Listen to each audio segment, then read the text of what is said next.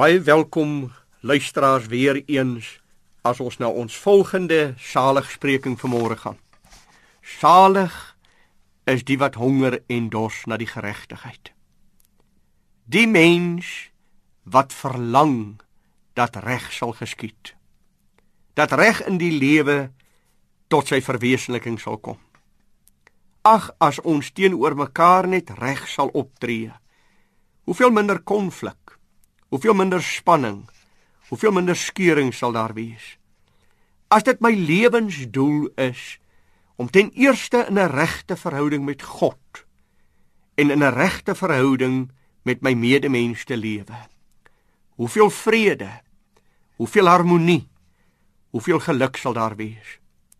Salig is die mens wat honger en dors na geregtigheid. Die mens wat voor God kom staan vir onreg wat besig is om plaas te vind. En wat so graag wil hê dat reg sal plaasvind. Geregtigheid geliefdes word mos geleen gebore vanuit 'n regte verhouding met God. Wanneer ek met God in die regte verhouding lewe, wanneer my saak met God in die reine is, dan weet ek mos hoe om reg teenoor my medemens staan te af. U sien geliefdes, dit is eers regverdigmaking van myself voor daar regverdige lewe na buite kan wees. En daarom as ek honger en dors na geregtigheid, moet ek moontlik 'n oomblik by myself stil staan, die hand in eie boesem steek om te sê, Here, is my verhouding met U reg? En lewe ek hierdie verhouding wat ek met U het na die mens daar buite? Salig is die mens wat geregtigheid soek, wat geregtigheid oordra, wat geregtigheid in die lewe implementeer.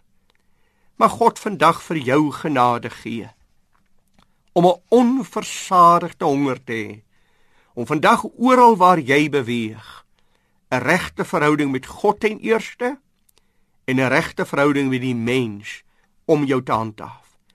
Wat 'n pragtige belofte word hier aangekoppel hy sal versadig word. Dit is die mens wat 'n vol en 'n gelukkige lewe sal hê, die mens wat die genade van God in oorvloed sal ervaar. Hy wat my soek met sy hele hart sal my vind. Het ons nie 'n belofte van die Here nie dat ons wat van God ontvang het ook reg in 'n lewe daar buite moet dit geskied nie. As jy kind van God is, is jy die enigste een wat reg na 'n wêreld daar buite kan bring.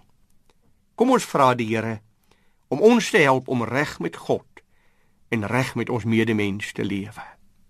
Amen.